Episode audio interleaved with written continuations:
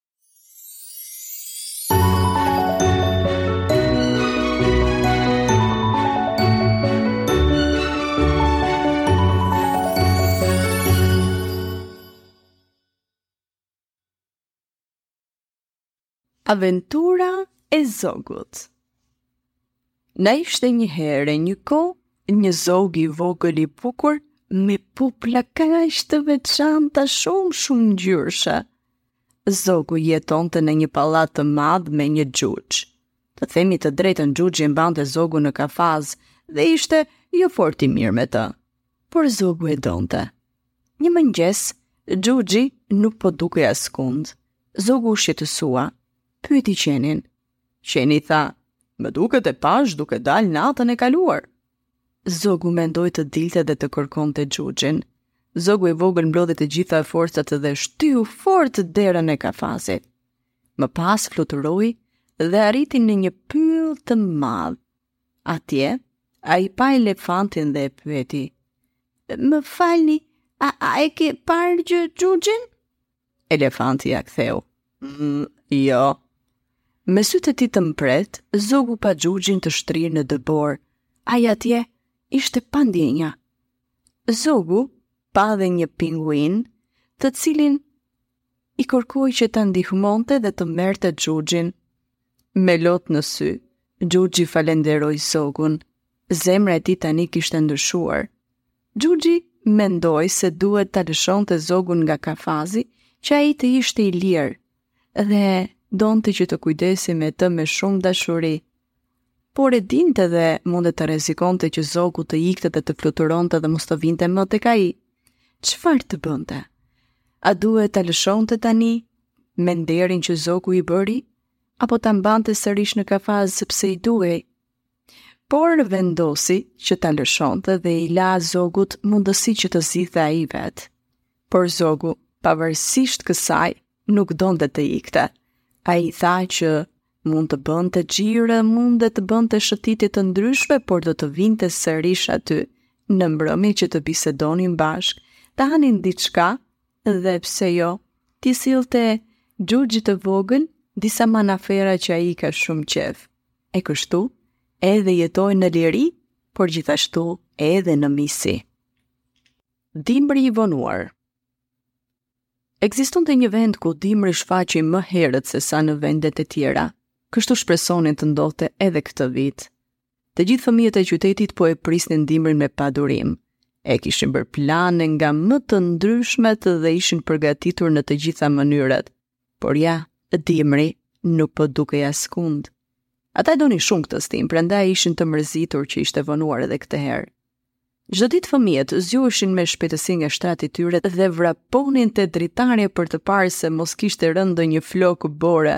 Mirëpo, nuk po ndodhte ajo që po prisnin, edhe pse kishte kaluar disa ditë nga muaji dhjetor. Vetëm Aulona nuk e donte këtë stinë.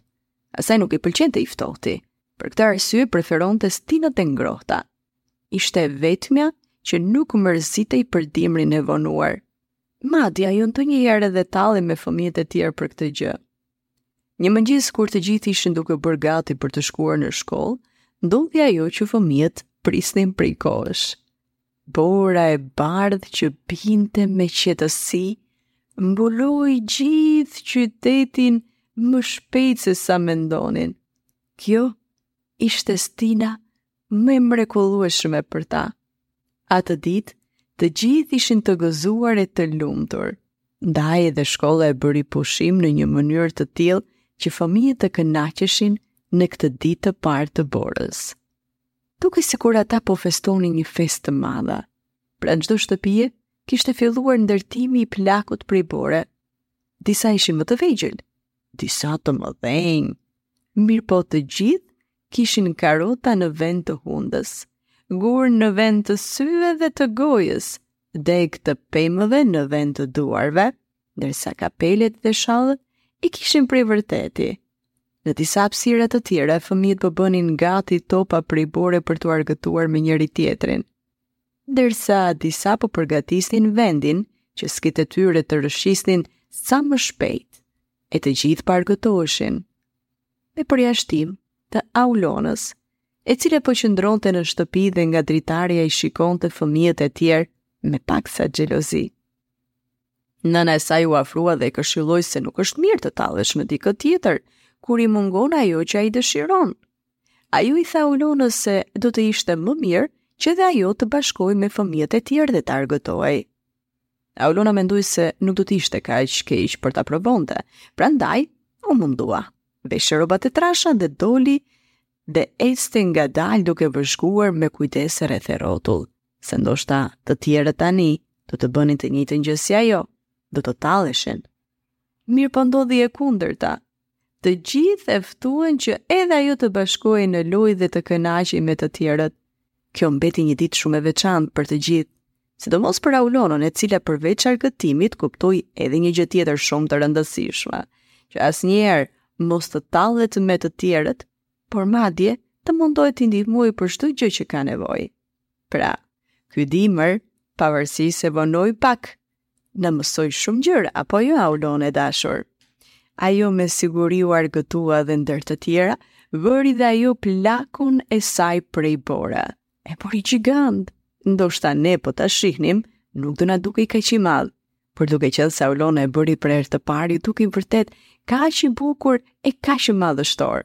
Po, hoqi ajo kapelën e saj dhe ia vuri pikërisht babagjyshit prej bore.